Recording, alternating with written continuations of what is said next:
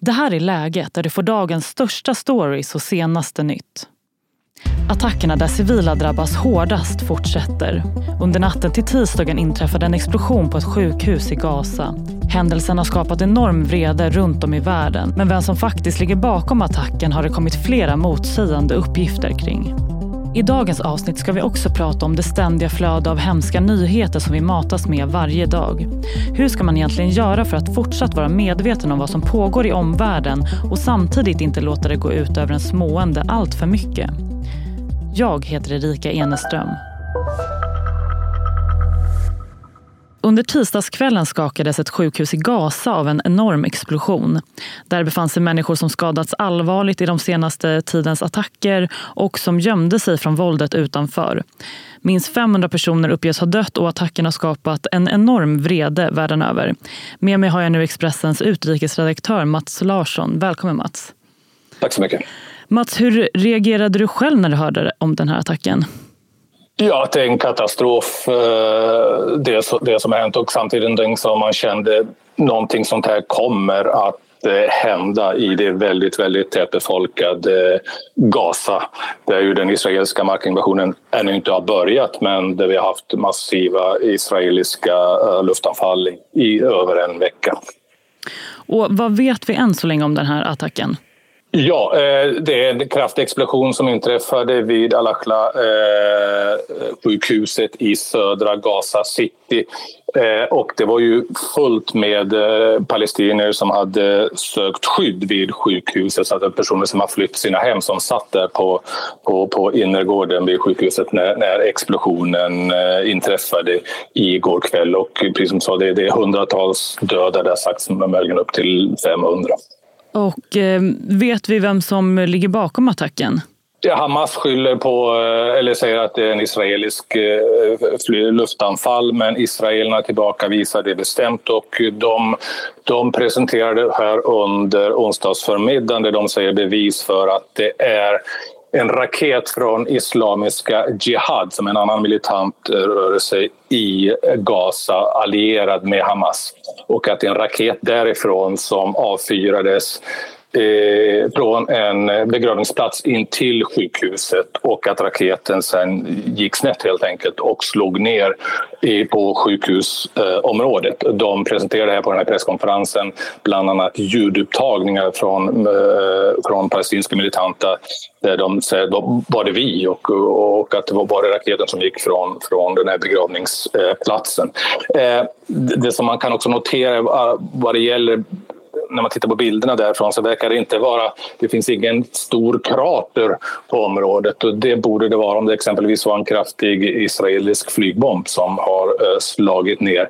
Israel menar att det är bränslet från själva raketen som antändes när den slog ner och att det har orsakat detta, eh, denna katastrof. Okej, och, och, vad innebär den här attacken för konflikten här framöver? Det beror lite grann delvis på om, om kommer arabvärlden att tro på Israelens ord? Och det är väl tveksamt. De kommer ändå att lägga skulden på, på Israel eftersom det är eh, de som har inlett anfallet mot Gaza eh, och att det är de här anfallen som har tvingat de här palestinierna att, att fly från sina hem. Så de kommer ändå att, att, att eh, lägga skulden, tror jag, på, på eh, israelerna. Eh, och det, det, komplicerar ju helt klart eh, situationen och det ökar också dessvärre risken för att Eh, konflikten sprids och, och även till andra fronter. Irans utrikesminister varnade så sent som i måndags för att om krigsförbrytelser mot palestinierna fortsätter så kommer nya fronter att öppnas, att tiden håller på att rinna ut. Och bara några timmar efter explosionen vid sjukhuset så skickade han ut en ny eh, eh, tweet på, på X, alltså tidigare Twitter och skrev bara tre ord på engelska att time is over, tiden är slut. Precis som du säger, det har varit lite motstridiga uppgifter så folk har ju eh, reagerat på lite olika saker. Men hur har omvärlden reagerat på den här attacken? Ja, i arabvärlden med ilska och demonstrationer och eh, man lägger hela skulden på Israel. I väst mer att man måste eh, reda ut exakt, alltså det, det, är en enorm tragedi det som har hänt men att man också måste invänta och se vad exakt det är som, som har hänt. Is, eller USAs president Joe Biden har ju också precis landat i Israel mitt i allt detta. detta eh, resan var ju planerad sedan tidigare men ändå på väldigt kort varsel. Eh, och det som har skett har ju också stökat om hans resschema en hel del. Ja, precis. Och eh, milisgruppen Hizbollah har sagt att det ska bli en vredens dag. Vad kan du berätta mer om det? Ja, vi får se. Alltså, Hizbollah är ju eh, milisen i Libanon eh, allierad till eh, Iran och en helt annan typ av fiende än vad Hamas är. Därför att eh, Hizbollah har betydligt större vapenarsenal. De har mer avancerade raketer. De har eh, eh, missiler och har egentligen laddat upp ända sedan det var ett krig mellan Israel och eh, Hezbollah 2006. Eh, eh, och det har alltid varit en fruktan i Israel väl att eh, Hizbollah någon gång ska gå till förnyad attack och denna gång har de en betydligt kraftigare arsenal men även Israel har mer avancerade vapen. Så att, eh, men man gör verkligen allt för att förhindra att, att eh, det ska bli ett anfall även från norr. Det har varit utbyte och beskjutningar från vardera sidan under den dryga vecka som har gått sedan Hamas attack den 7 oktober. Men, men tack och lov än inget, inget större anfall och det, det är också en uppgift för Biden när han besöker Israel att försöka förhindra att den här konflikten eh, sprids ytterligare. Stort tack Mats Larsson för att du kunde vara med idag. Tack så mycket.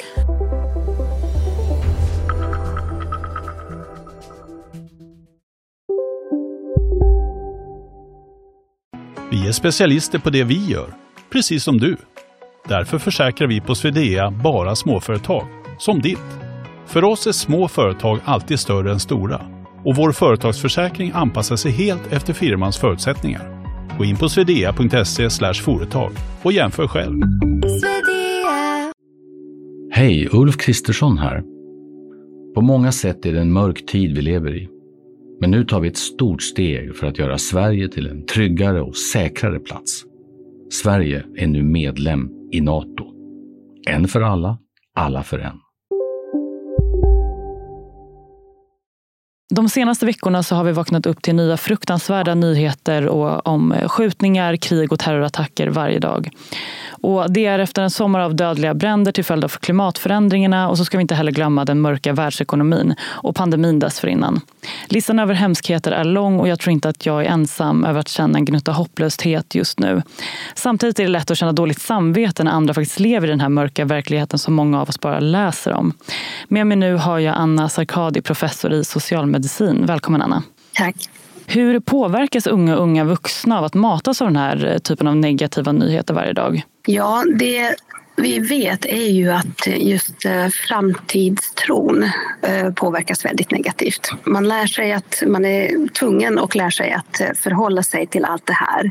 Men det går naturligtvis inte obemärkt förbi och det som, det som påverkas allra mest är kanske just det här Ehm, hur man ser på sin egen framtid och hur hoppfull man känner sig inför den. Och vilka känslor och reaktioner är det som väcks när människor konfronteras med sådana här skrämmande nyheter? Det är ju väldigt olika förstås beroende på vad man själv har varit med om och exakt vilken typ av eh, händelse det är. Men det som kännetecknar den här generationen, lite som du beskrev i din, eh, på att det tar liksom inte slut. Det är kris på kris på kris, det är hemsk händelse efter det ena efter det andra. Så att man är ju tvungen på något sätt att förhålla sig till det. Och ett sätt att förhålla sig är att på något sätt försöka separera ut vad som är omvärlden och de kriserna och vad som är ens eget liv som händer här och nu och där det som är viktigt är ju förstås ens liksom relationer eller studier eller jobb eller vad man nu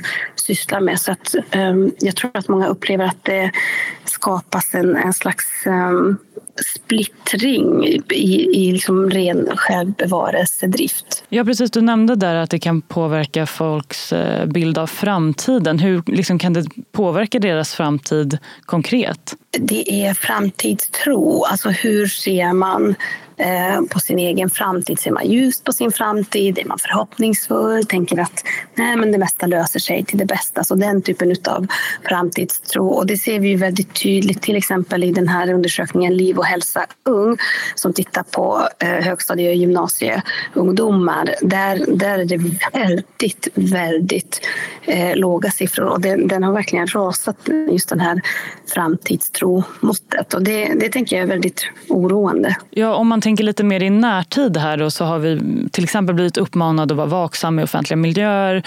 vad tror du finns för risker? Liksom, hur påverkas unga i vardagen av allt som pågår? Jag tror att man påverkas av att hela tiden aktivt behöva förhålla sig till hur mycket av det här orkar man släppa in här och nu. Eh, man är ju väldigt mycket på sociala medier, både ungdomar och unga vuxna. Och det är liksom nästan den mest naturliga arenan att både hämta nyheter ifrån, alltså från nyhetssajter, men att diskutera eh, nyheter, att ge varandra stöd, att, att eh, ägna sig åt samhälleliga och politiska diskussioner. Men vi ser också att man diskuterar dels konkreta tips, men också hur, hur gör man för att blockera krigsvideon eller att man ganska noga väljer vilka sociala medier och hur man använder det för att man vet, man blir ju så översköljd annars så att alla hittar någon sorts förhållningssätt. Man vill inte stänga av helt men på något sätt måste man förhålla sig.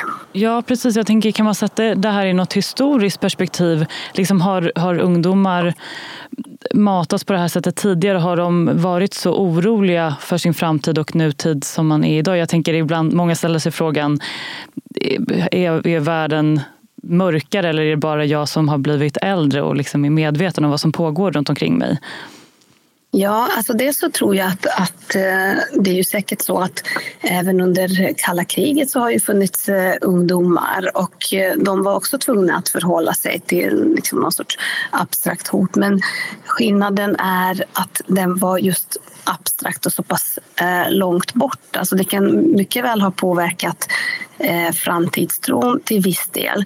Men det som händer idag är att allting är så omedelbart tillgängligt i Eh, sin telefon. Och, och eh, unga människor lever ju verkligen mycket av sina relationer och dagar på eh, sociala medier så att det går inte att hålla sig ifrån. Så känslan av att eh, av hur mycket dåligt som händer och hur omedelbart tillgängligt det blir och att det är så mycket bilder och videomaterial Eh, många eh, plattformar de är ju inte neutrala utan de är ju eh, kommersiella och drivs av att de ska generera klick. Och vad är det som genererar klicks och views? Jo, men, men ju hemskare och mer känslomässigt engagerande desto Eh, mer klick. Och det här finns ju en ganska stor medvetenhet om också och också behovet av källkritik. Så att svaret är att det är mycket mer omedelbart därför att det är så tillgängligt och så påtagligt och så närvarande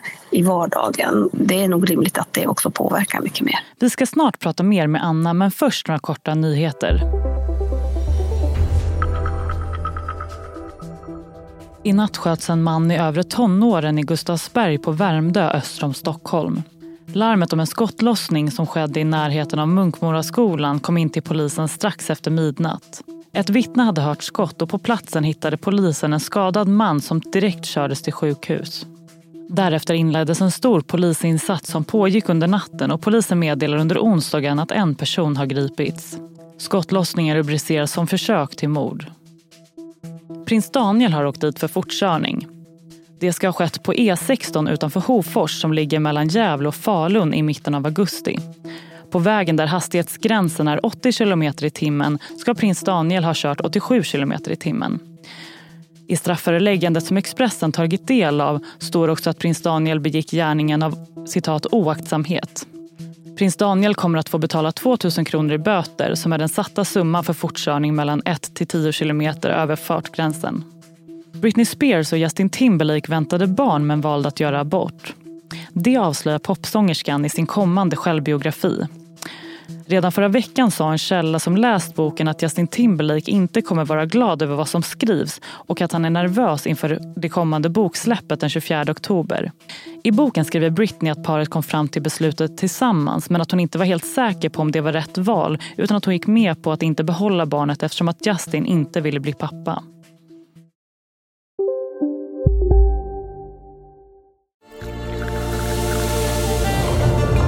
Välkommen till Maccafé på utvalda McDonalds restauranger med Baristakaffe till rimligt pris. Vad sägs om en latte eller cappuccino för bara 35 kronor? Alltid gjorda av våra utbildade baristor.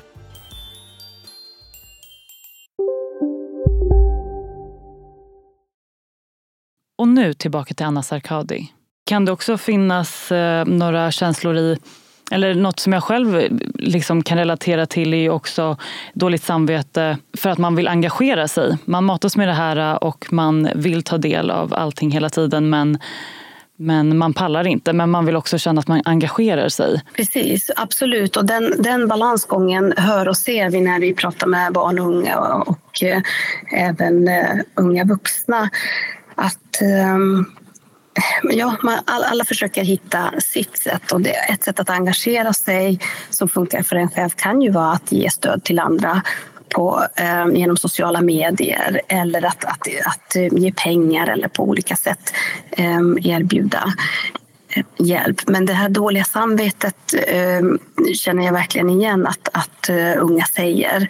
Och samtidigt så är det någon sorts självbevarelsedrift för att eh, risken är ju annars att man att man inte alls kan leva sitt eget liv och, och försöka göra kloka val och, och, och, vara närvarande. Vad skulle du säga att du har för konkreta tips om man, vill stänga, om man inte vill stänga ut omvärlden och nyhetsflödet men man ändå känner att man blir väldigt påverkad av att läsa nyheterna varje dag?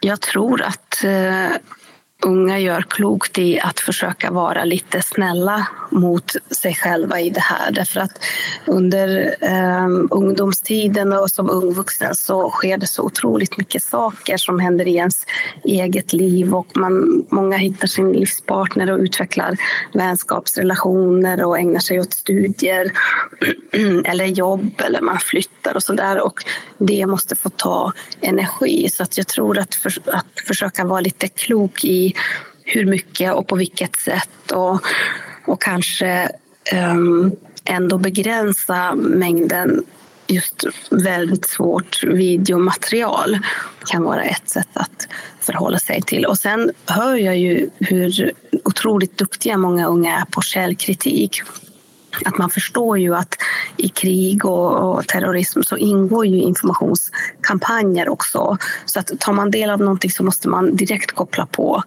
det här med eh, källkritiken. Så att man kan inte bara ta det rakt av. Och det här vet man ju. Så att jag tror faktiskt inte att jag har så himla mycket bra konkreta tips. Jag ser ju på nätet att, att unga frågar varandra hur blockar man krigsvideo till exempel. Eller att jag hör hur de resonerar att nej men jag har slutat titta på den här strängen för den är bara för hemsk. Jag orkar inte. Så att medskicket är väl att, man, att det är rimligt och okej okay att, att um, vara snäll mot sig själv. Och ett annat eh, tips är kanske att också prata med en annan generation. För det som möjligen är lite lättare eh, för oss som är lite äldre är att vi har ett annat perspektiv. Att världen har brunnit för men någonstans så finns det ändå goda krafter och viss förhoppning om att saker och ting ändå löser sig så att man släpper in lite ljus i den här mörka synen på framtiden för den tror jag kan vara lite väl tung att bära.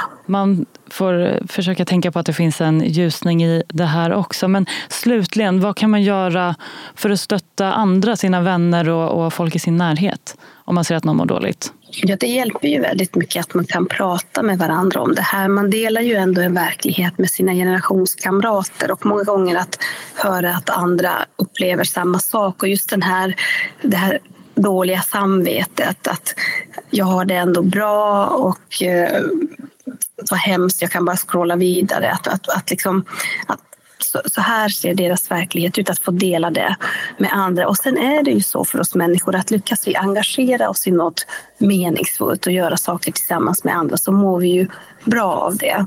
Så att eh, hittar man någon som, som behöver lite hjälp eller man kan ge lite känslomässigt stöd så kommer det ju också leda till att man själv faktiskt mår bättre. Stort tack Anna för att du kunde vara med oss idag. Tack själv. Det var allt för idag. Läget kommer ut varje vardag så se till att trycka på följ. Stort tack för att just du har lyssnat.